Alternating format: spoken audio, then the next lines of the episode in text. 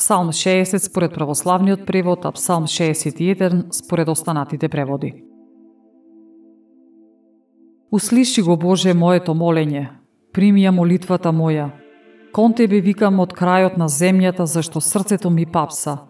Подигни ме на висока карпа, зашто Ти си моето прибежиште. Крепостен заклон од непријателот. Дај ми да се населам вечно во Твоето живеалиште, да се засолнам под покривот на Твоите крилја. Зашто Ти, Боже, ги чу моите молитви, им даде наследство на оние кои се бојат од Твоето име. Додај му уште денови кон деновите на царот и продолжи му ги годините од род во род, за да владее вечно пред Бога. Милост и верност испрати му за да го чуваат.